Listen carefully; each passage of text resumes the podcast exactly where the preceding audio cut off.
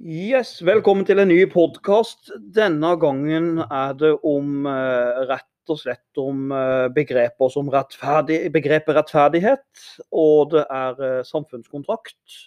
Og vi skal inne på filosofen John Rawls. Og med meg i dag så har jeg jo en John Rawls-ekspert, Jakob. Du Ja. kan kanskje si litt om deg sjøl?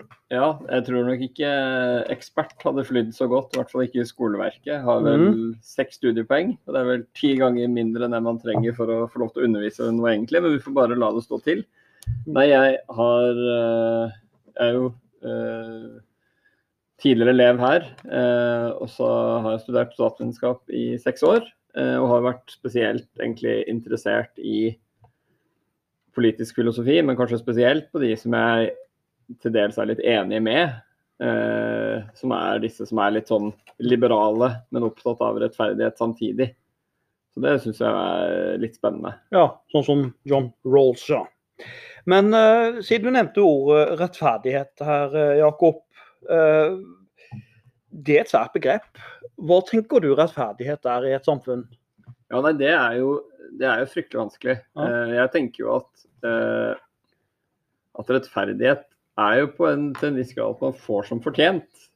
Men det, men det er jo ikke helt enkelt å vurdere uh, Mm. hva som er fortjent og hva som ikke er fortjent. Eh, så jeg tenker jo at uh, det å gi folk i størst mulig grad like muligheter til å lykkes og skape sin versjon av det gode liv, som nok ikke veldig mange ville vært uenig i, akkurat Mhm. den setningen der. Ja. Men at det vil f.eks. innebære at vi må legge bedre til rette for at en i rullestol da, skal kunne få lov til å delta og få lønn som fortjent ut fra sine forutsetninger. Mm. Så det, så så det er det der å greie å gi folk et insentiv til å jobbe og bidra, og at de skal få, også få gevinsten. Eh, for det, skal jo være rettferdig at man også får som fortjent, Mm. men at man også må være bevisst på at folk har ulike forutsetninger. En, et barn av en analfabet fra Somalia vil ha i utgangspunktet dårlige forutsetninger enn jeg som har to høyt utdannede foreldre fra Norge. Ja. Men eh, hvis jeg tar rent konkret Her sa du veldig mye interessant der. Eh, du, du definerer rettferdighet også som på en måte altså at du skal gjennyte eller gjengjelde, om du vil. eh, kunne jakte det gode liv. Folk skal ha muligheter til å jakte det gode liv ut fra forutsetningene sine. Men spørsmålet er da, eh, hvis du går konkret til verks med rettferdighet eh, Nå spør jeg du, da. Vil du f.eks. si at eh, Du nevnte dette med, med innvandrere. Vil du si at det er rettferdig at innvandrere f.eks. i Oslo får gratis SFO? Noen ikke-vestlige innvandrere kan få gratis SFO, eh, mer offentlig støtte? Ja, nei, eh, altså det er alltid en sånn vanskelig avveining. I Oslo har de vel i veldig stor grad gjort sånn De startet vel med å gi eh, gratis SFO på grunnlag av bydeler, sånn som jeg har forstått. da. Ja, Man det- eh, tok mhm. et veldig skarpt skille mellom øst og vest i Oslo. ja. Mens andre steder, og det har jo også vært nasjonal politikk nå, eh, går jo på at man har sett på hva folk tjener. Og så har man gitt de gratis kjernetid, som det heter, eller en gratis periode å gå i barnehagen. Ut fra hvor mye man tjener. Mm. At det, at det Noen vil argumentere for at det er en bedre måte å målrette. Eh, men, men det, da kan man jo stille man kan selvfølgelig stille spørsmål om det er rettferdig. For det er alle, vi betaler også i varierende grad skatt, altså i prosenter, ut fra hvor mye vi tjener. Mm. Da kan man jo stille spørsmål om det kanskje hadde vært bedre hvis alle hadde fått det samme. Ja, At det hadde vært rettferdig, Ja. siden vi allerede betaler forskjellig også i prosent. Mm. Eh, så, så det er vanskelig egentlig å si om det er rettferdig eller ikke. Men Mm. om det er til det gode for de som får det, det vil jeg jo tro. Mhm. Så det, Det var litt det jeg ville inn på, for rettferdighet kan jo også ses som likebehandling. Noen vil jo se rettferdighet som likebehandling. Mm. Du deler opp en kake, alle skal ha likt stykke av kaka. Men så er det jo også noen som vil tenke det at rettferdighet består jo òg i nettopp å forskjellsbehandle. mm, Eh, sånn som du var inne på eksempelet med rullestoler. At en i rullestol kan jo ikke ha samme eh, skal jeg si, I arbeidslivet da, nøyaktig samme krav som alle andre. mm. Eh, det hadde jo de hadde vært urettferdig, hadde det ikke det? Jo, eh, det, det hadde jo det. Eh, og hvert fall, du kan si det er jo, no, det er jo noen arbeidsoppgaver en i rullestol ville hatt vansker med å løse. Altså, det blir nok vanskelig å bli maratonløper Mm. som rullestolbruker, f.eks. Ja. Eh, så det er jo noen, si, noe frihet som blir begrenset av si, de ulike personlige begrensningene de har. Mm. Men da er spørsmålet også sånn eh, Hvordan legger man til rette for at folk skal få brukt den kompetansen de har? Eh, for jeg tror veldig mange Ja. besitter ting eh, og besitter eh, evner som de ikke mm. får brukt fordi man har fordommer mot dem. Ja. Og da er det noen ganger man må forskjellsbehandle Mm. Eller mange vil mene at da er det, da, da er det innafor å forskjellsbehandle for å sørge for at man får muligheten i Mm. det hele tatt. Men det, det er en Ja. sånn vanskelig balansegang. For man skal være forsiktig med det, f.eks. å holde igjen, å holde igjen folks kunnskap og evner. For det at på død og liv skal likebehandle folk. Jeg har et praktisk eksempel eh, når jeg så noen små jenter spille håndball en gang. Så var det en av de, andre, en av de jentene som var mye bedre enn de andre. Hun Mm. skårte, jeg tror hun skårte 15 av målene. Mm. Og bare pøste inn på mål. Og da begynte noen av foreldrene å klage og ville ha ut av laget for hun tok for stor plass og sånt. Og det Mm. syns jeg var rettferdig. Den jenta, har- jeg mener personlig at den jenta hadde lov til å vise sine evner. Hun hadde lyst til å spille og lyst til å vinne, og det skal hun få lov til. Så jeg syns av og til i Norge at vi kan være litt urettferdige mot de gode. Jeg tenker Mm. at vi må unne andre suksess. Det er en del av å være rettferdig. Mm. Og det betyr at Hvis vi unner noen suksess, så betyr ikke det at vi nødvendigvis tråkker på de, de eventuelle de som ikke er så gode. Men, eh, men eh, vi har kanskje janteloven. Ja, men du sier jo noe der, og det var jo veldig mye det var, det var jo forholdsvis mye kritikk rundt den, det var vel en skole i Oslo eller i Akershus hvor de hadde gitt, de hadde gitt noe penger til Mm. eh, noen av de beste avgangselevene. eller Ja, eller sånt, at de hadde Jeg så, jeg så det. fått en påskjønnelse. Det var jo mange som reagerte negativt på. Mm. Så det er jo sånn sett altså sånn, Jeg har jo aldri vært en stor idrettsmann. Mm. Har vel et eh, lite trofé i golf, som egentlig er en veldig sånn fin likhetssport. For der får du jo tildelt handikap og spiller sånn sett mot forventninger til egne resultater. Så det er jo en veldig artig øvelse. Men, eh, men det er klart, altså, i Norge har vi veldig liten kultur vi har veldig stor kultur for å gi folk påskjønnelser ut fra at de gjør godt i noe man på en måte Mm. både har talent for, som er idrett, men også beviselig må jobbe ganske mye med for å bli skikkelig, skikkelig god. Mm. Mens man kanskje innenfor akademia f.eks. har litt andre forventninger og litt andre tanker om hva som er riktig. Mm. Interessant det du sier der, for uh, nå kobler jeg filosofi på det for å virke litt uh, kjempesmart her. Men Aristoteles, Aristoteles definerte faktisk uh, rettferdighet veldig spennende. Den gamle Aristoteles. Han sa at rettferdighet det handler, det handler om at du skal få lov til å bruke deg sjøl. Du skal selvrealisere deg sjøl i samspill med andre. Mm. Og så Det interessante han sier, er at han tenker at hvert område Han var veldig opptatt av form. At hver, hvert område hadde ingen form og innhold. F.eks. i skolesektoren. Hva er viktig for skole? Kunnskap. Hva er viktig i idrett? At du er sprek. Mm. Hva er viktig innen, eh, innen lege? Jo, sunnhet og helse. Og da må man på en måte, som du sier, rettferdig å premiere de ulike kunnskapene i hvert felt. Mm. Og da er det kanskje ikke så galt å gi en liten premie til de som er dyktige innenfor skole akademisk. Mm. Så vil de andre kanskje få premier eh, på andre felt. Om det er gaming eller eh, golf eller Alle Ja. har vel et talent. Ja, det, men man eh, Ja, det er jo et spørsmål da, om alle har et talent. Eh? Om alle har noe de vil bli bedre i enn andre. Men jeg tenker jo at det å Det å, å sørge for en viss sånn likhet av muligheter, eh, i den grad det er mulig, vil jo i hvert fall gi folk muligheten til å, til å finne ut om de er gode i noe, eller om det er noe de brenner for. Så det er Mm. ikke sånn at man trenger å være verdensmester for å finne glede i noe Mm. heller. Så det, det å bare vite at du, Ja. gjør en, du gjør en grei jobb, og du bidrar til at ting eh, fungerer, og du Mm. Men er det ikke litt det der Per Fugli sier, at uh, gjennomsnittlig menneske Han hyller hverdagsmennesket, onsdagsmennesket, var det ikke det han sa? Og det er det noe i. Altså de som Jeg har aldri vært eh, sånn eh, ja, Nei, vet du, da Spille fotball eller løp det ikke bestandig har akkurat vært best, men eh, jeg hadde moro. Ja. Det var gøy. Og det var en del av, av den pakka, det òg. Det er jo det der å greie å finne Nå beveger vi oss jo langt ut på vidden her, Ja. men det å finne en slags du kan si Det å finne meningen med livet, eller finne ut hva som gjør at man har det greit, Mm. for å bruke et veldig sørlandsk uttrykk, Mm.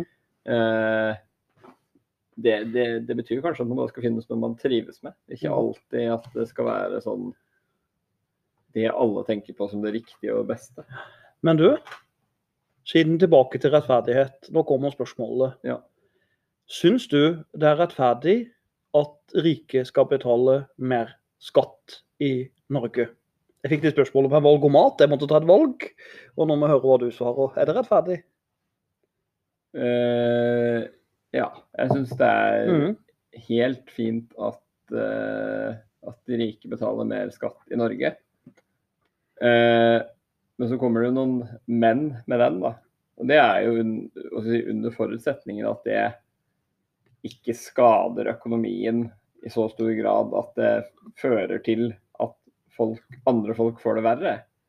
For det, jeg tror jo at her er det jo en sånn i norsk politikk nå, spesielt på venstresiden, så har jo man brukt mye tid på å finne ut liksom, hvem er de vanlige folka. Mm. Og der eh, sier vel Rødt og SV at jeg er rik, mens Arbeiderpartiet sier at jeg er vanlig. Sånn ut fra Mm. inntekt, da. Mm. Eh, men jeg tror det altså Når man organiserer et samfunn, så må man jo tenke hva Hvordan finner man balansepunktet mellom hva gagner samfunnet, og hva gjør at folk har lyst til å bidra til samfunnet. Mm. Det å finne det knekkpunktet der. Ja, og, nå, er jo- og nå begynner vi å nærme oss veldig rolls. Ja. Men før vi går inn på rolls, eh, så, så må vi forklare et begrep. her. For skal vi få til et godt samfunn, Mm. så må vi jo på en måte ha en slags eh, felles regler i et samfunn. Og i Mm. filosofi så kaller vi dette for samfunnskontrakt. Mm. Mange teoretikere har jo forsøkt å lage samfunnskontrakter. Eh, Noen ser jo det her som en slags grunnlov, andre ser det som et slags sånn utvida FN-menneskerettighetssystem. Mm. Men eh, hvordan vil du kommentere eh, begrepet samfunnskontrakt? Nei, det Altså, man kan jo først begynne med begrepet kontrakt. da. At dette er noe man er enig om, og så signerer man på det. Og man skal være opplyst om innholdet i den, sånn at man aksepterer på en måte oppsiden og nedsidene ved en avtale, nærmest. Det, det kan være startpunktet. Og egentlig en sånn form for samfunnskontrakt. Så hvis man skal være veldig spesifikk, kan man liksom snakke om denne American dream. Hvis man kommer til USA og Mm. står på, Mm. så skal man få, så skal man få utvikling, og man skal få det bedre enn man hadde det tidligere. Mm. Eh, men hvis vi går over til en veldig sånn teoretisk, da, så er det jo hva, eh, hva vil vi akseptere av si, tap av frihet, eller eh, at vi ikke kan gjøre akkurat som vi ønsker, for å få en viss trygghet, eller at vi skal få et samfunn som er velfungerende. Altså, jeg vil jo aksep- jeg vil jo akseptere at, uh, at det blir begrensninger i min frihet til å slå til noen. Mm. For det er under forutsetning selvfølgelig at det gjør at ikke andre har lov til det heller. Ja, og For det, det er jo en sånn veldig grunnleggende samfunnskontrakt. Men uh, samfunnskontrakter sånn i filosofien går jo ofte på mer sånn uh, fordelingsspørsmål. At vi har, vi, vi har noen ressurser. Hvordan skal vi fordele de på en måte som folk kan akseptere? Og Da er også poenget med en samfunnskontrakt at man skal prøve å definere det. Og det er jo selvfølgelig helt umulig. Mm. Eh, man skal prøve å definere det før man kommer inn i, i selve situasjonen hvor fordelingen skal skje. At man liksom skal være enige på et sånn teoretisk plan. mm. Og det er kjempevanskelig, for det samfunnet har jo rulla godt i mange, mange tusen år. det ligger en del føringer der. Ja. Men jeg tenkte med en gang, du var nesten litt indirekte inn på Thomas Hobbes her. Kan vi si litt om han? Ja. Han var en uh, filosof som uh, var sterkt preget av masse borgerkriger i Storbritannia.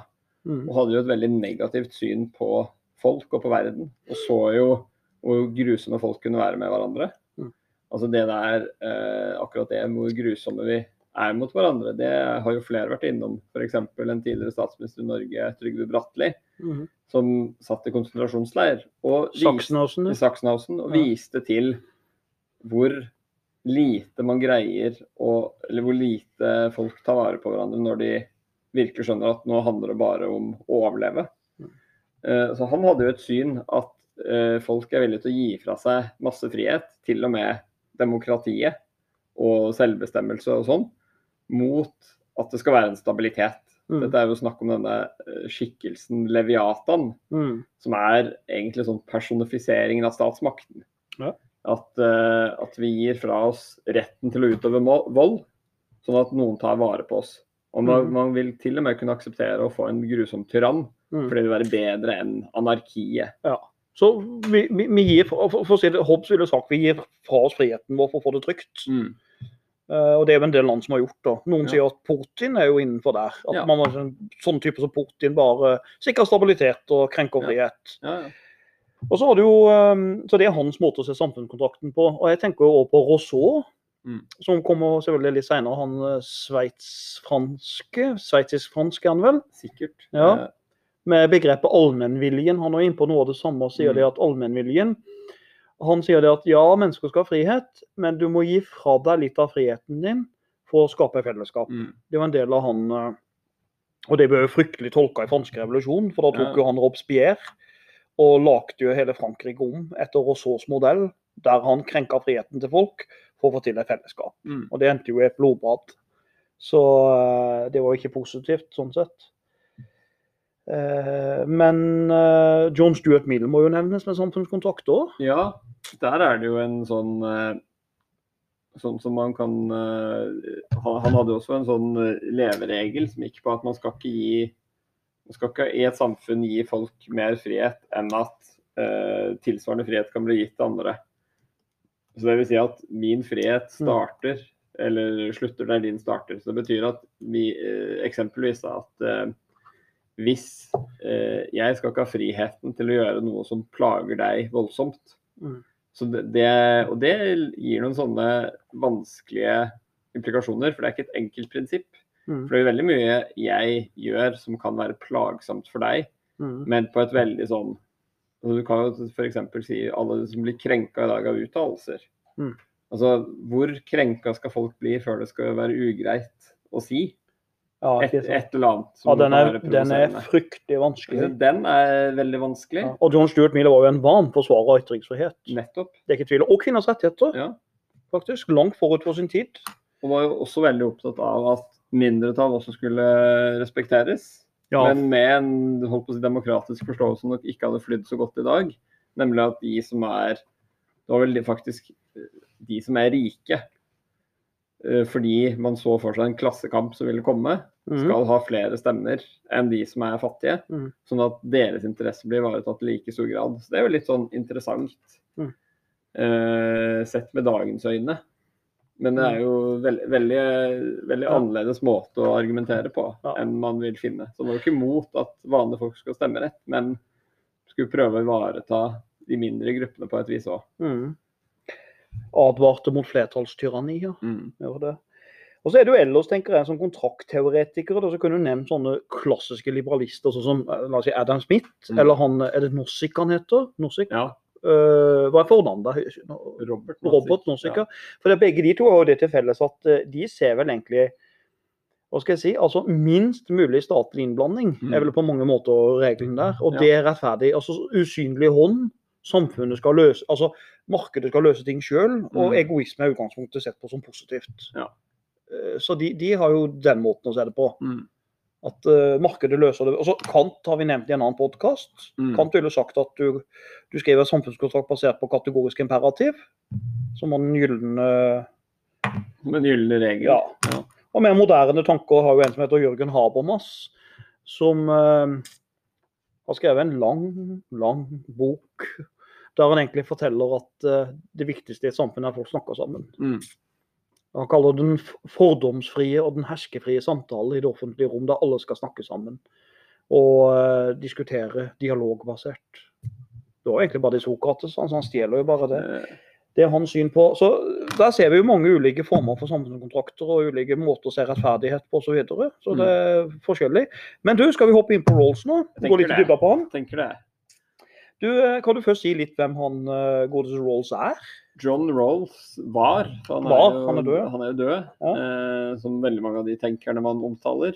Eh, eh, han var eh, en professor innenfor statsvitenskap, er jeg ganske sikker på. Om det var, han hadde vel også en del si, befaring med filosofi. Eh, men det, sånn som jeg husker det, så ble, har han blitt beskrevet som en sånn ganske tørr og kjedelig kar. Eh, men som var veldig opptatt av eh, studien av rettferdighet. Og hvordan man skal oppnå det på ulike måter. Så han var jo amerikaner og underviste vel på Harvard, hvis jeg husker riktig. Ja. Eh, Så han er jo en, en ganske sånn nyskapende tenker. For veldig mye av det han produserte, kom jo på 70-tallet. Hvor eh, man får jo denne si, skal motpolen mot det etablerte sånn sosialdemokratiet og velferdsstatene som man ser rundt omkring. Eh, med motreaksjonen Reagan og Thatcher og de som er Mm. opptatt av at folk skal være sin egen lykkes med. En sånn slags sånn Det kalles vel en sånn nykonservatisme, nyliberalisme. Hvor, hvor man skal organisere samfunnet sånn at folk i størst mulig grad skal få lov til å skape sin egen lykke. Mm. Eh, med varierende hell, kan man kanskje si, i etterkant. Mhm. Men det var jo veldig strømning i tiden. Mens han eh, tenkte mer på hvordan kan vi hvordan kan vi greie eh, å lage et samfunn som er rettferdig, og som alle vil oppleve at er rettferdig. Mm. Eh, om man ikke er enig i hva resultatet blir, så må man være enig i at prinsippene i bunnen er gode. Ja. Selve prosedyren, framgangsmåten for, for Ja. det til. Ja. pr prosedyren er egentlig det viktigste her. Mm. Og det han ser for seg da, eh, og det er jo rett og slett veldig vanskelig å se for seg, det er jo at man skal stille seg bak et uvitenhetens slør. At man skal se for seg samfunnet, eh, og ikke vite hvem eh, man blir i et samfunn. Altså Man vet ikke om man blir, som han da, en hvit, relativt velstående professor i USA, eller om man blir en fattig afrikaner. Så Det er hans sin måte å tenke på. At, og, å, å finne ut hvordan ville vi designet et samfunn Mm. hvis vi ikke visste hvilken rolle vi skulle spille i det. Mm.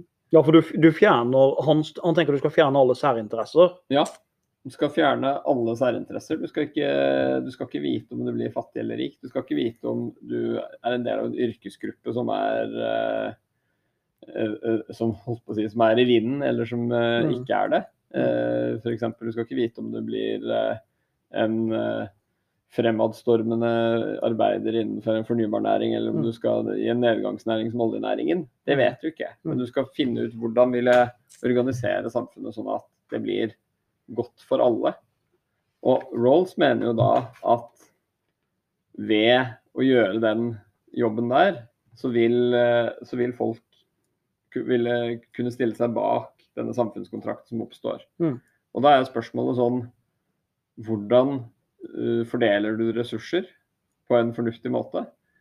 Uh, og da kommer Rolls fram til Jeg, jeg, jeg må bare Ja. stoppe deg litt der, så, folk skjønner det her. for det at mm, Det han da mener òg, er at uh, vi skal da være totalt frie. Vi skal være upartiske. da. mm, Vi skal ikke ta noen Vi skal være nøytrale. mm, Ikke? Er det ikke sånn han Ja. tenker? Og, eh, og man skal gjøre det her eh, fornuftbasert. Ja. Ikke følelse at du Å, jeg har blitt undertrykt i 100 år, f.eks. mm, Eh, nå skal jeg ha retten min. Men du skal på en måte, for det at da vil alle handle eh, til det beste for hverandre. Ja. Ikke bare særinteresser. Ja, Så det, det- ja, det er sånn at, det. uh, Man vil, man vil jo i mye større grad ta en sånn helhetlig vurdering Mm. for samfunnets beste, fordi man ikke vet hvem man blir. Ja. Eh, og det er jo eh, Og det han kommer fram til, og det han ser for seg, Mm. Det er at når man snakker om fordeling, så vil det bli relativt stor grad av likhet. Sånn økonomisk, ressursmessig, f.eks. tilgang på utdanning og de tingene der. Mm.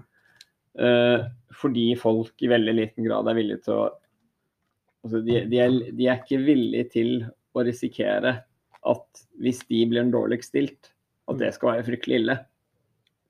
Ja. Så da er vi nærme det kategoriske imperativet til Mm. Kant igjen. Mm. Du setter deg inn i andres ståsted. Ja, Og du er ikke interessert i å Du hadde ikke lyst til å være fattig sjøl, og derfor vil du ikke at andre skal være fattige, f.eks. Men han har jo to prinsipper som vi snakka litt om. Kan vi kalle Mm. det frihet og u... Det blir vel kalt frihet og ulikhetsprinsippet. Kan du si Ja. litt om det? Ja, det viktige her det er jo at selv om Rawls diskuterer fordeling, det er jo det egentlig det han gjør, eh, så er det noen ting som ikke er lov å fordele. Og det er rettigheter. Det er jo typisk sånn det vi vil se på som en form for menneskerettigheter, nærmest, da. Eh, Som går på at du skal ha du skal, ikke, du skal ikke bli satt i slaveri. Du skal ha lov til å tenke fritt. Du skal ha ytringsfrihet Mm. mange sånne prinsipper. Og det, og det er ikke lov å røre ved. Ja. Uh, altså disse frihetene er ikke lov å røre ved eller fordele. Altså det betyr at f.eks. du, Magne, kan ikke få privilegier, selv om det, selv om det på en måte kanskje kunne vært til gagn for alle. Uh, uh, så, så, det, så det er noen ting som står fast. At alle skal ha tilgang på noen sånne visse friheter. Ja, for vet- hvis min, min frihet kan ikke krenke andres frihet, er det ikke sånn man mener? Nettopp. Altså Hvis jeg hadde fått en fordel, eller jeg har eh, Du skal ikke gå på bekostning av andres frihet. Ja, Det, Det er akkurat det. mm, Eh, Så der er det ikke åpen, åpning for å fordele. mm, Sånn at eh, man kan ikke og, for å forstå det, så er det viktig å gå inn på det ulikhetsprinsippene snakker om. Så nemlig er det at eh, man fordi, man fordi man fordi han ender der at, eh, at man ser for seg ganske stor grad av likhet. Fordi folk ikke ønsker å bli veldig vanskeligstilte i en situasjon hvor de blir dårligst stilt. mm, Eh, så kommer han også frem til et nytt prinsipp, som er at ulikhet er akseptabelt hvis de som har det verst, får det bedre. Hvis man aksepterer en ulikhet. Altså F.eks. at folk blir rikere. Mm. Det er greit, så fremt det gjør at de som har det dårligst, får det bedre enn de kunne hatt. ja, At de får en vekst med de rike. Ja, at, eh, Ja. at veksten eh, hvis du, formuevekst på 10% for de rikeste er greit, så lenge en, en viss andel av den veksten i samfunnet også tilfaller de som er vanskeligstilte. Vi kan ta et konkret eksempel. da. Uh, Rolls hadde sikkert forsvart lønnsforskjeller i et samfunn Mm. hvis du hadde fått flinke folk som kunne bidra til helsa til hele F.eks. leger. da. Ja, ja. En lege ble veldig enda, enda bedre lønna. Ja. Og da kunne de bruke de fikk bedre motivasjon, og så ville de kunne bruke kunnskapen på å hjelpe og lage bedre velferdsstat for hele Er du med på den? Ja, mer motivasjon. Og det, og det er også sånn å si, eh, at man, man sier jo egentlig at eh, det er jo forskjell på å ta en seksårig utdanning med turnusperiode og full galei, Mm. enn å ta en mer kortvarig utdannelse. Mm. Enten det er at man tar et fagbrev eller man tar Ja. eh, en kortere akademisk utdannelse. Ja. Så det at hvis du f.eks. Uh, la oss si du, du Rolls ville tenkt at ulikhet kan forsvares hvis det Mm. kan eh, belønne og forsterke talent som kan Ja. bruke fellesskapet til gode. Ja. Det er sånn han tenker. Ja. Og Det er jo både sånn konkret at det bidrar til at eh, det lett å bli en motivasjon til å bruke det viktigste ressursen vi har, som er jo folk. Mm. Altså, det er ikke så viktig å snakke om et samfunn hvis man ikke snakker om folk. Folka i det. Eh, så, så det å få folk til å bidra så godt som de kan, Mm. er jo også viktig her. Ja. Men- nettopp, ja. Men så sier Rolls så, så vidt jeg husker at stillinger og posisjoner Mm. de skal være åpne for Alle. Ja. Det, er jo, det går jo nettopp på det første. Ja. At det ikke er noen som skal få privilegier. Ja. Så det er jo grunn til å tenke seg at f.eks. kongehuset hadde ligget tynt an hvis man hadde levd ut den rolsianske tankegangen. For der er det jo, du, er det jo velsignet å være født inn i en familie, f.eks. Her er vi jo veldig inne på begrepet sjanselikhet. I, Ja. i- ikke sånn fullstendig likhet som kanskje sosialist og kommunist vil Ja. bruke ordet likhet, men her er vi mer på sjanselikhet. Hvordan vil du forklare hva sjanselikhet er? Det, det handler om at ikke nødvendigvis at resultatet blir likt, men at eh, man i så stor grad som mulig skal sørge for at folk får den samme sjansen til å lykkes.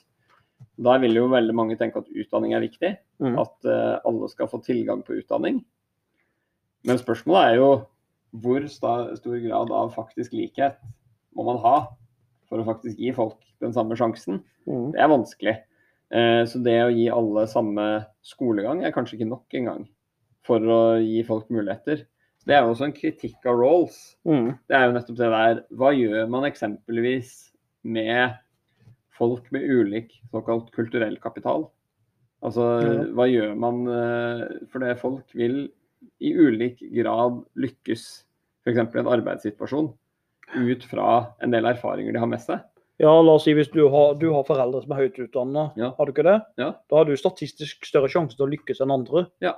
Og da er det ikke sjanselikhet Nei. i prinsipp. Altså sånn. Ja, eller i realiteten. Og det ser vi i Norge at uh, forskjeller reproduseres jo gjennom Mm. at uh, har du foreldre med høy utdannelse eller høy inntekt, så har du sjansen til liksom Man kopierer fremdeles mye yrkene til sine foreldre.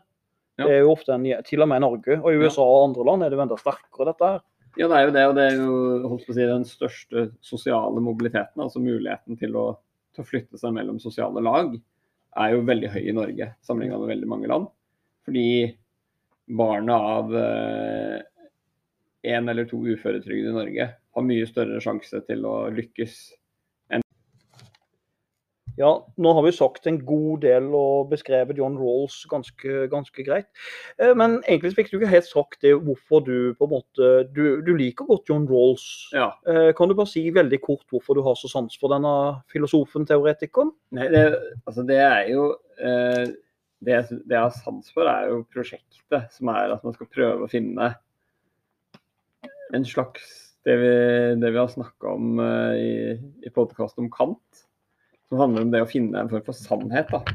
For det, det, er jo alltid veldig mye, altså f.eks. i den politiske debatten, det er jo veldig mye uenighet om hva er riktig fordeling. Er det riktig å gi de rike mer skattelette, eller er det riktig at de skal skatte mer? Det å finne en sånn, en sånn, sannhet om hva som vil være riktig måte å fordele samfunnets gode på, det er jo egentlig en fasit for politikk. Mm. Og det er jo veldig sånn det er, det er, jo litt sånn gøy å tenke på. Uh, og jeg tror jo samfunnsvitere Det er jo sånn både styrken at det er veldig få fasiter. Eh, eh, så alt er jo oppe til diskusjon. Mm. Oh, han gjør modige modig forsøk på et svar her. Han gjør modige modig forsøk på å lage et regnestykke som går opp. Så det er jo også, syns jeg Og så synes jo jeg som holdt på å si, moderne liberaler, som har fått mange sånne det er alltid en diskusjon hvem som påvirket hvem. Om sosialdemokratiet påvirket liberalerne, eller om det var motsatt.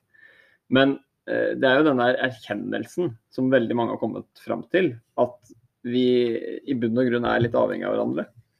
Og det å kombinere tanken om frihet med at du skal ha rett på f.eks. skolegang. Mm. Altså jeg syns det er veldig fint og jeg syns det er fint at det finnes tenkere som også er så moderne at de har nedtegna det. Mm. For det er jo ikke noe de gamle har tenkt på.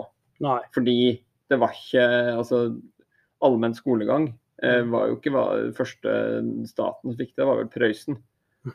Så, så det, vi skal, vi skal sånn i verdenshistorien ganske kort tid tilbake, før det som begynner å ligne på et moderne samfunn, med mange av de institusjonene og tingene som er vanlig, mm. uh, når det begynner å komme på plass. da. Så jeg, jeg, tolker det egentlig litt sånn, eh, både du og Rolls, at dere er um, dere er ikke sånne klassiske kall det markedsliberalister eller nesten anarkiliberalister, mm. som er. Men dere er mer sosialliberalister som ønsker å forene frihet og likhet. Ja. Det er det dere er, for å si det ja. kort. Men, men, det er klart at hvis vi begynner på noe Jeg tenker litt kritikk av Rolls òg. For det at um, du sa det uvitenhetslør. Mm. Uvitenhetens slør. Mm. Uh, og der sier jo han Rawls, eller skriver, at uh, Egentlig sier han man, man, man skal være nøytral og upartisk og legge fra deg oppfatningene du har. Ja. Men, uh, men, jeg tenker i dagens samfunn med så mange ulike grupper og er ikke det litt uproblematisk at staten skal på en måte opptre, opptre nøytralt? Hvis du tenker sånn, mm. Tenk på seksuelle minoriteter, farger urbefolkning, om du vil. Altså Det er så mange ulike grupper.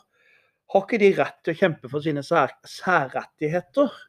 Ja, og det, det, dette er jo altså dette er en viktig kritikk av Rolls. Uh, og Rolls levde jo ikke lenge nok, han døde jo på 90-tallet, til å egentlig besvare ut mange av kritikkene. Men uh, for å tilføye flere, da. Det er jo egentlig det samme som uh, man kan kritisere Kant for. Nemlig det, mm. hvem er fornuftig nok til å kunne bli med på denne kontraktsforhandlingen, da, egentlig. Det å stille seg bak uvitenhetens slør mm. og virkelig greie å være så empatisk og fornuftig at man klarer å se alle perspektivene. Ja. Og der, altså Jeg har jo en god kompis, og, og, det er jo noen ganger Han tenker litt annerledes om politikk enn meg. Tenker veldig sånn Hvem skal få det bedre, og hvem skal få det dårligere? Altså en sånn motsetning mellom ulike grupper for at politikken skal gå opp. Men det er jo veldig sånn, eh, du skal være ganske ressurssterk og ha et ganske greit og behagelig liv for å sitte og bruke veldig mye tid på å tenke hvordan verden egentlig burde vært. Ja. Altså Det er også en blindsone. Og så har jo alle vi mm. blindsoner i kraft av å være den vi er. Altså Vi forstår jo ikke Vi som menn forstår jo i mye mindre grad liksom hvordan kvinner opplever seksuell trakassering, og hva de mm. vil oppleve som krevende. Så det er, jo, det er jo en veldig kjent kritikk av Rolls. Bare Ja. alle blindsoner man kan ha, og alle perspektiver man ikke klarer å sette seg inn i. Ja, og kan f.eks. jeg som er ganske heterofil, vil jeg si, standard eh, Ja. heterofil, kan jeg klarsette meg inn i en fra den LBJ, hva det heter? LHBT, LHBT. IQ, Ja, ja, pluss. pluss, pluss, Ja, pluss det Den, altså kan jeg klare å sette meg inn i de sin livssituasjon og livsverden. Jeg skal jo kunne gjøre det ifølge Rolls, være nøytral og ja, upartisk. ja, er Men kan jeg det når jeg ikke har erfart det de har erfart? Erfaring å spille inn Ja. her. Nei, og dette er jo, dette er jo Rolls sin kjempestore svakhet på den ene siden, men også styrken.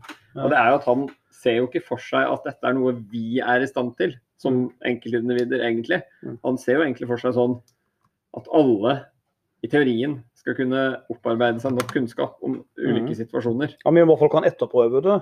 Ja. Men der jeg har litt problemer med roles som vi skal huske litt på, det er at det å være nøytral og upartisk Mm. kan òg være veldig negativt. Hvis vi ser noen nyere vi kan se nyere eksempel. Ja.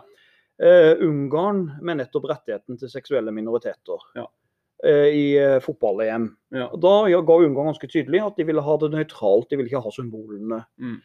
Det å si at de vil ha det nøytralt, egentlig så sier de bare der at de er mot denne bevegelsen. Ja, ja. Akkurat som de gjorde på, med slaveri i USA òg, så sa de jo aldri det at vi vil ha slaver. Men Mm. de sier la hver delstat bestemme sjøl om de vil ha slaver. Mm, mm. Vi er nøytrale i Washington DC. Mm. Hva gjør myndighetene nå i USA, en del, en del delstater? De sier i forhold til abort, homofili, eh, rettigheter til mørkhuda, eh, stemmerett til folk som har vært i fengsel, så sier de la delstaten avgjøre det sjøl, vi er Mm. nøytrale. Mm. Med andre ord, man bruker nøytralitet og upartiskhet til å dekke over endringer, nødvendige endringer i samfunnet. Mm. Så, så der, Rolls kan jo faktisk nesten fremstå, selv om jeg ikke vil det, så kan han bli en som nesten fremstår som konservativ, som ikke klarer å endre samfunnet. Det er Ja. ikke det han vil, men i praksis kan det bli det. Ja, det, altså det, det kan du jo si. Men det, det blir jo litt den samme, den samme inngangen eh, som tidligere. At Rolls tar jo egentlig ikke utgangspunkt i det samfunnet vi lever i nå. Altså han, altså han sin eh, Han har jo egentlig litt sånn eh, Måten å tenke på er litt sånn revolusjonær. At man egentlig begynner med litt sånn blanke ark og stiller seg bak uvitenhetens slør Mm. og tenke hvordan vil jeg at samfunnet skal være. Mm. Og så er det jo utfordringen med hans filosofi Ja. kontra f.eks. Marx og gjengen. Mm. Er jo at det er ikke en, han har ikke en beskrivelse av hvordan dette skal gjennomføres i praksis. Dette er, en, dette er, dette er Ja. en tankevirksomhet, og så må man prøve å oversette den Mm. til den verden man lever i. da. Ja. Og så må man stille seg spørsmål er måten vi har organisert samfunnet på, er det riktig? Mm. Men, men du har helt rett. At, Ja. det, at det å se nøytralt på alt, når det er åpenbar urett altså Vi skal ikke langt tilbake før det var et bredt flertall på Stortinget for å sterilisere romfolk. Mm. Og vi skal ikke langt tilbake før man tok barna fra samene Nei, for å fornorske sant? de. Ikke sant? Eh, så, så det, er noen, Ja. det er noen sånne åpenbare eh, tilfeller Ja. hvor det også må skje en sånn Ja. Grunnleggende endring. Ja, og jeg tror egentlig at mitt, mitt poeng er bare det at jeg, jeg vil ikke ha en nøytral stat. Jeg vil gjerne ha en stat som faktisk forsøker å definere hva det gode er. Mm. Og da kommer min neste innvending mot Rolls. Ja. For hvis vi skal på en måte få fram et godt samfunn, det må jo være det som er målet, eller Mm. rettferdig samfunn, Mm. så ser jeg det litt mer sånn Uff, jeg hater å si at jeg er litt enig med Marx. Mm. Men konflikter mellom ulike grupper og samfunnsklasser er jo det som Mm. driver veldig mye. Altså konflikter er sunt i et samfunn. Altså Det virker som Rolls ikke har lyst til å ha konflikt, han vil ha dialog og samtale, upartiskhet. Men er det noe som driver og endrer et samfunn, så er det uenighet mellom f.eks. Ja. Sånn borgerskap og arbeiderklassen. ikke Mm. sant? Der man har inngått komprom gode kompromisser i Norge.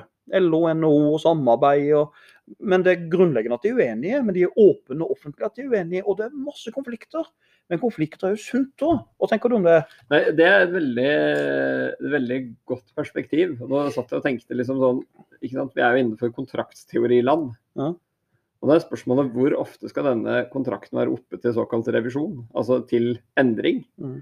For det, det er jo fryktelig mye i samfunnet vårt som forandrer seg. Ja. Og da er jo nettopp denne Marx, Marx engelsk, men det, som vel Hegel kalte sånn dialektisk. At man har en sånn man har en konflikt. Ja. At man har en, eh, en, man har en A- og B-argumentasjon.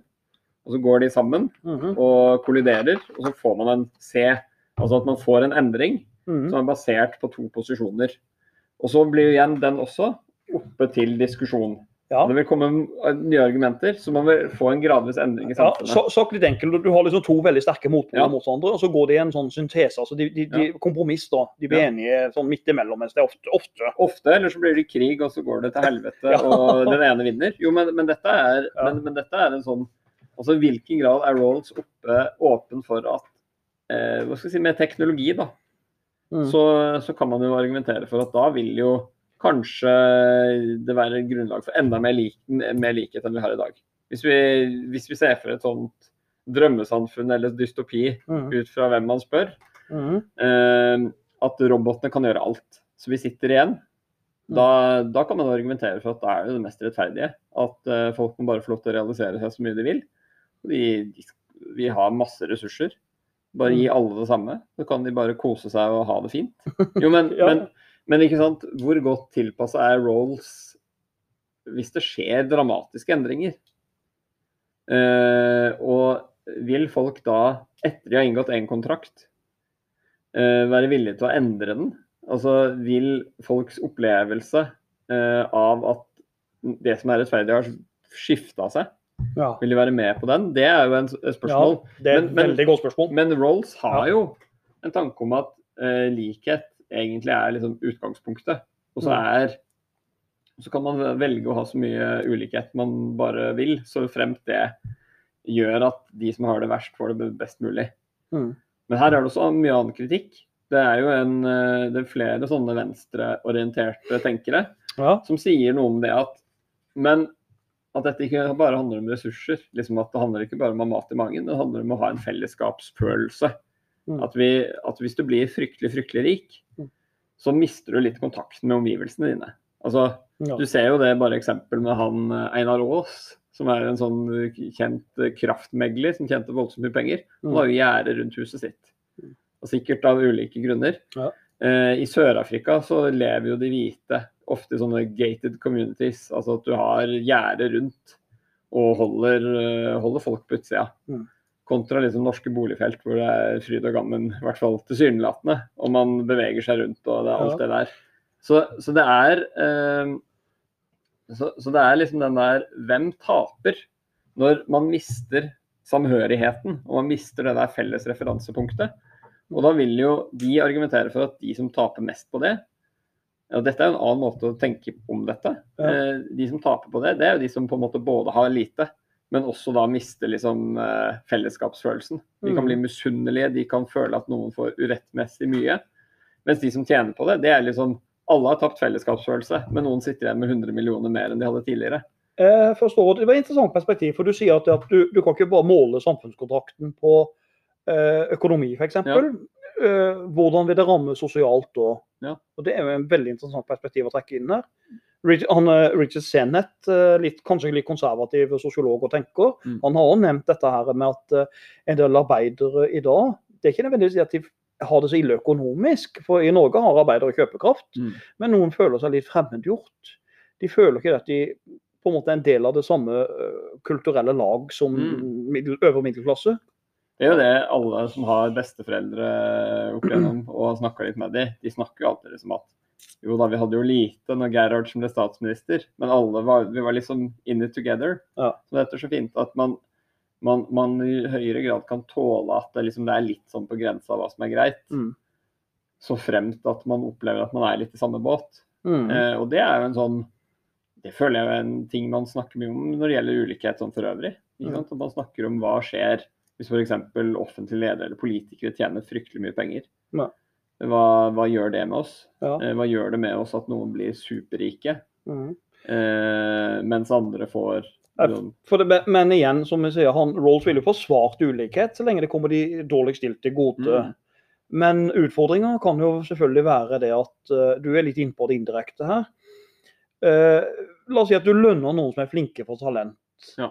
Og Det har vi begynt mer og mer å gjøre i Norge. mm. Uh, Jeg syns faktisk det er greit personlig. Men det er også litt problematisk, fordi at han ønsker igjen å være nøytral og upartisk. Mm. Men da er det jo veldig subjektivt, for hva skal vi tillegge verdi? Mm. Skal vi lønne f.eks. leger mye? Sykepleiere? eh, Lærere? Mm. Hvem er viktig i et samfunn? Hvem er viktig? Og det her endrer seg med tida òg, hvem som er viktig. Mm. Plutselig kommer som du nevner ny teknologi, og da blir jo ikke den yrkesgruppa så viktig som den tidligere var. Ja. Og så har du, så, så hvem er viktig, hvem gjør viktige samfunnsfunksjoner? Altså det, det er veldig vanskelig å, å på en måte definere ut. Uh, F.eks. da vil jo jeg mene at vi lønner sykepleiere altfor lite da, Mm. i forhold til viktigheten de gjør, vil jeg mene. Så det er sikkert kanskje noen som er uenig i det. Som mener vi bør gi enda bedre til uh, de som er høyere utdannet, enda høyere utdannet. Mm. Så um, poenget er bare at du, du skal gå inn og så gjøre sånne følelsesmessige avgjørelser. da. Men, men da er jo også en annen sånn eh, hva skal si, venstresidekritikk av Rolls. Nettopp det at, at man trenger ulikhet for å drive fram sant, for å drive fram utvikling. Og drive Mm. fram at folk får det bedre. Der vil jo kritikken være at ja, men ærlig talt, i et samfunn vi er opptatt av selvrealisering, Mhm. vil ikke folk som syns det er gøy å være lærer, bli motivert av det i seg selv? Vil ikke de Mm. ikke sant, at oppgaven i seg selv kan være så stimulerende? Ja, At du andre måter enn bare økonomi til Ja, at man, eh, man blir stimulert av at Mm. det er givende å holde på med enten det er Ja. kommunikasjon, men, men ikke sant, det, det er vanskelig.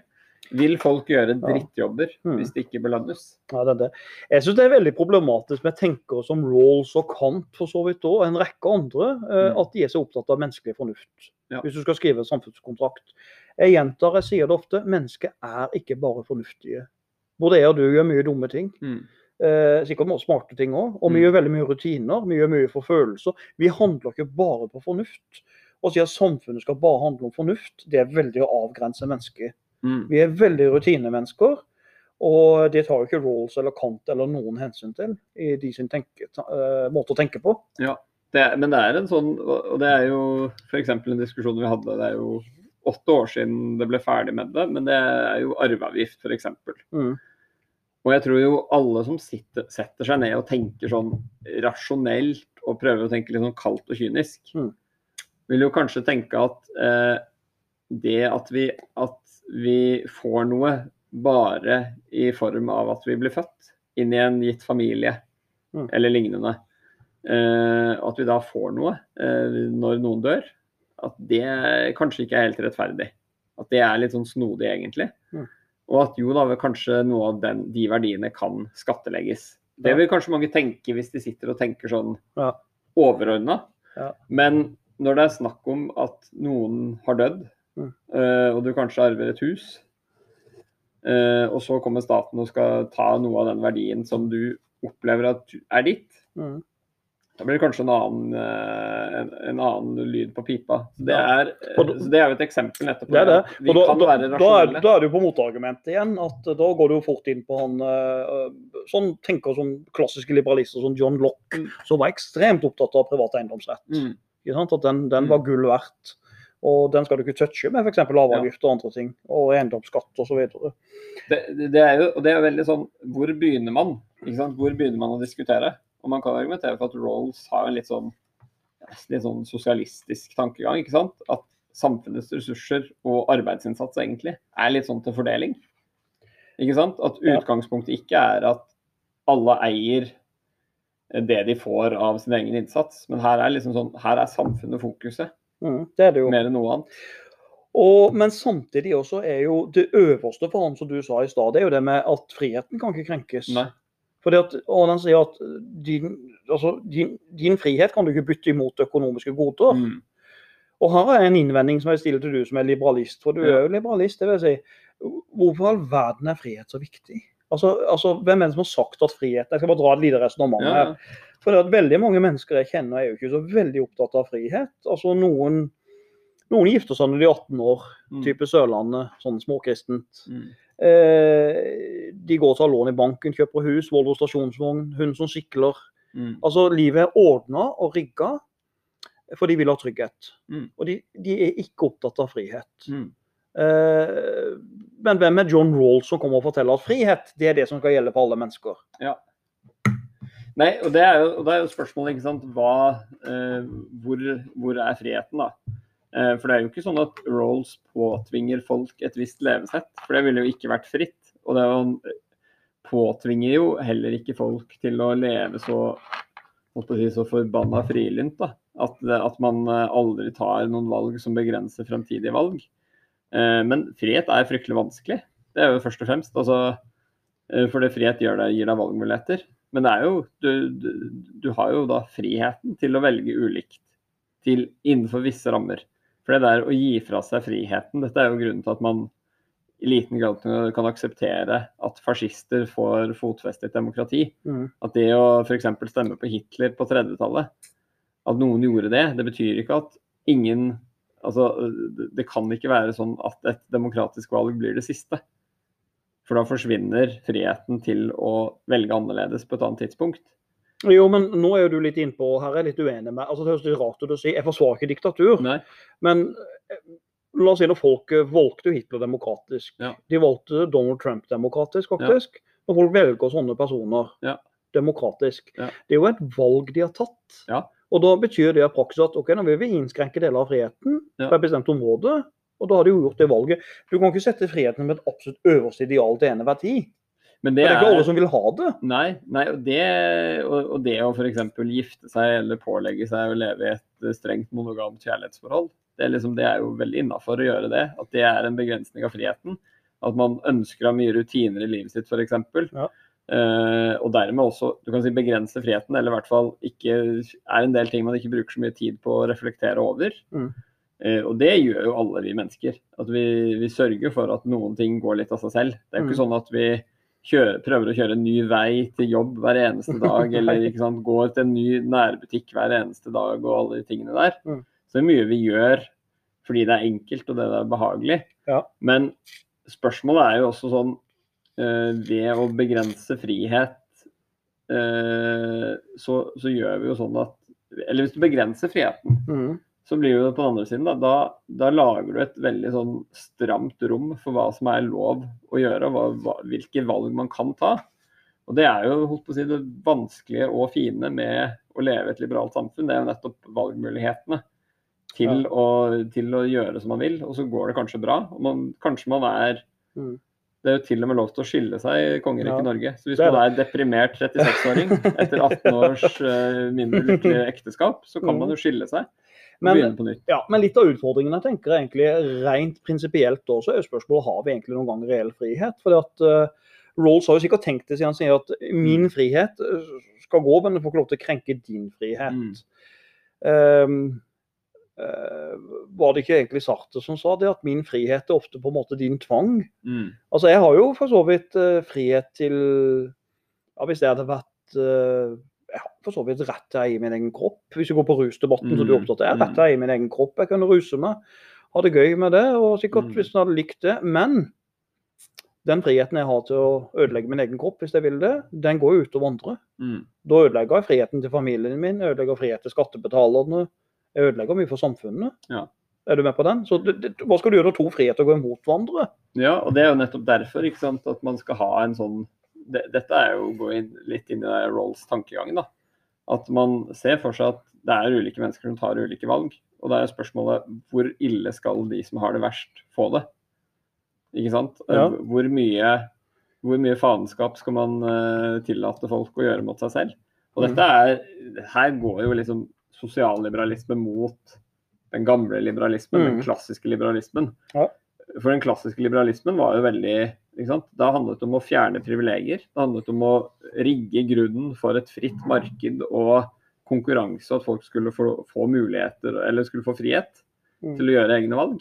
Mm. Og det var jo kjempebra. Det skapte vanvittig mye vekst, og det skjedde masse. Men det gjorde også det at veldig mange problemer i samfunnet kom fram. Mm. Folk fikk ikke utdanning. Det ble forurensning av en annen verden. Utilsikta konsekvenser. Utilsikta konsekvenser. Ja. Og, eh, og, da får du jo behovet for eh, å lage noen grenser for hva folk kan få lov til å gjøre. Mm. Nettopp fordi at andre også skal få den friheten. Ja, men der er litt problemet med Rolls igjen. Nå kritiserer jeg Rolls mye her. som du skjønner, ja. Jeg er ikke så glad i Rolls som du. Fordi at Rolls sier at det skal komme de svake til gode. Ja. Nå blir jeg nesten en sånn kranglete jurist her. Ja. Og Det er sikkert hyggelig, det. Men da er vi tilbake på et spørsmål. Hvem er de svake i et samfunn nå? Mm, mm.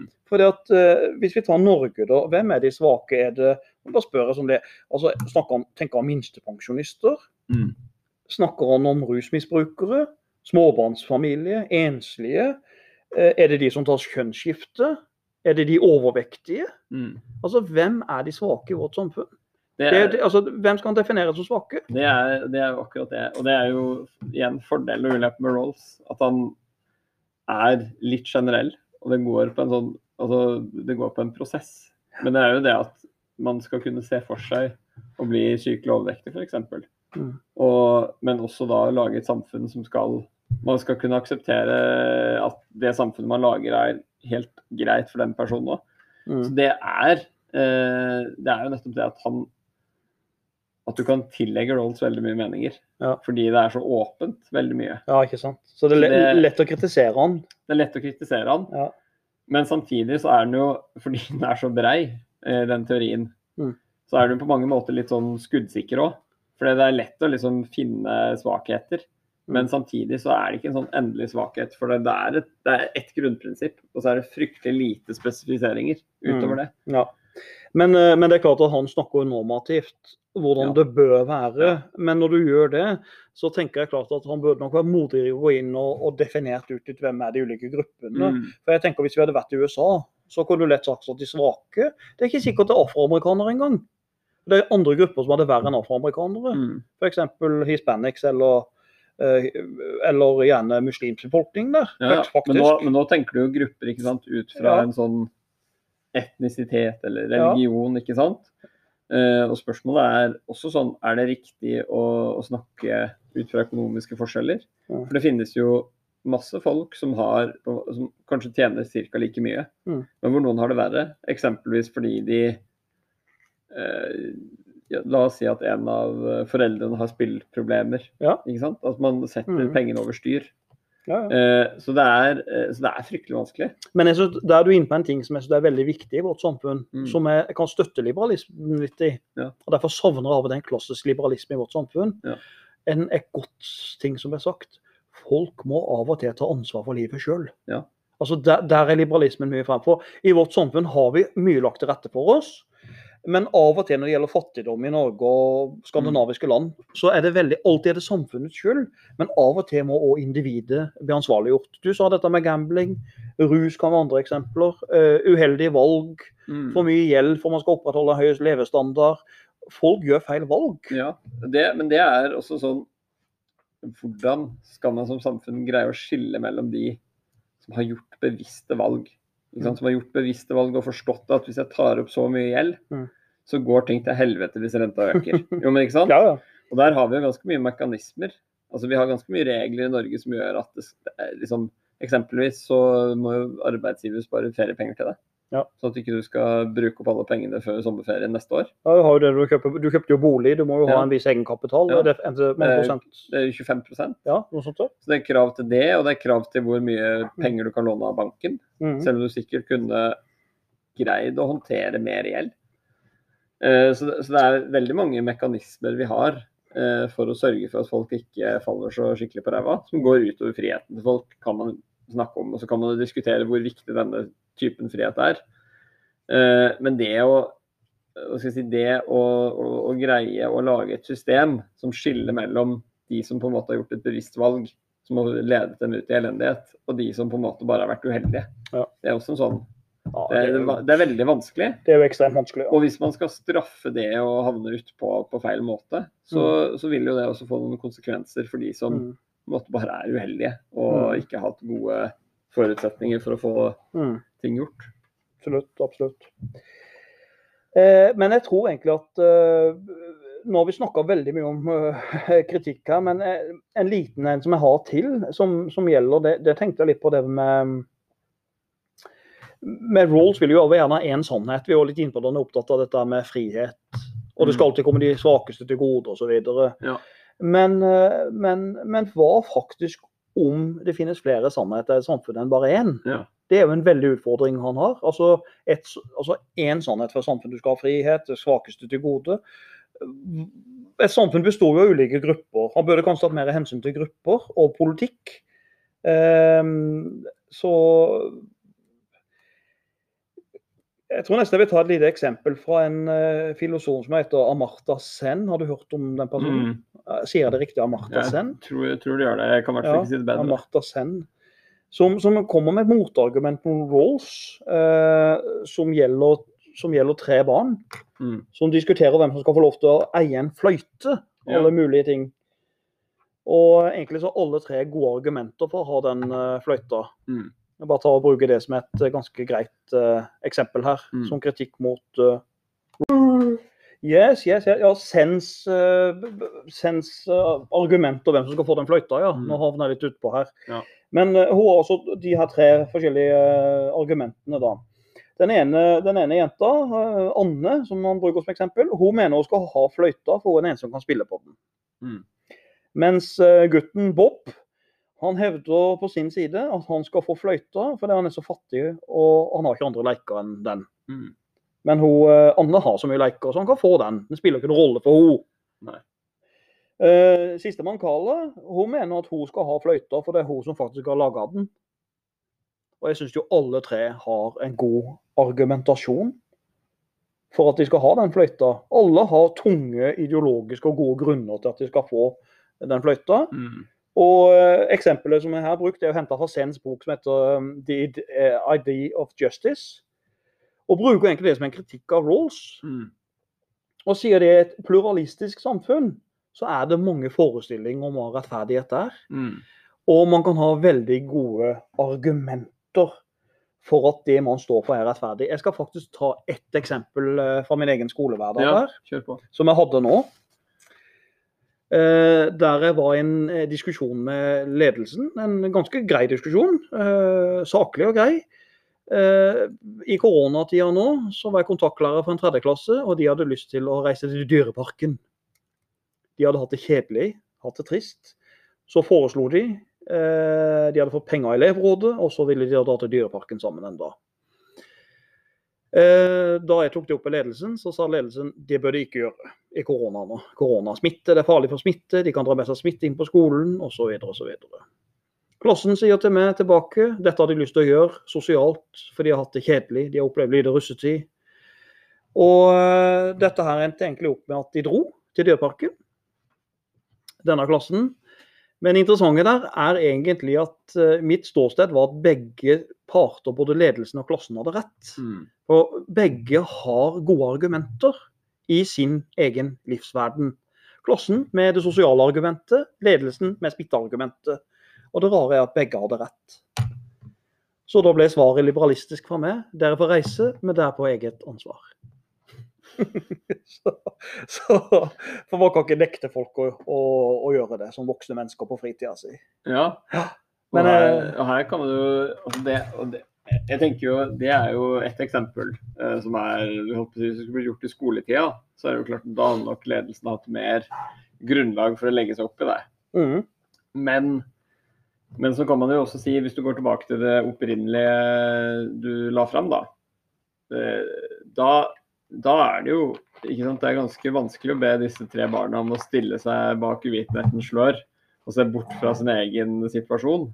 Det er jo også kritikken av Rolls, Mm. at det er veldig vanskelig å få dette gjort i praksis. Mm. Men da, hvis vi som eh, skal sitte på utsida og tenke, da, eh, hvis det er en som har produsert denne fløyta, så, så kan vi jo stille spørsmålet hvilken eh, Vil folk akseptere at, fløyt, at fløyter, eller ressurser, fordeles til de som kanskje har mer behov for det? Mm. Som han som var fattig, Ja. og ikke kunne spille fløyte. Eh, vil, vil, vil det være en aksept for det? Og, eh, eller kan det føre til at det f.eks. ikke blir produsert noen fløyter Mm. som verken hun som kan spille, kan spille på, eller han Mm. kan få? Så det, det er også en sånn eh, Det er en vanskelig side av det. Det er når du egentlig har tre gode argumenter. Ja.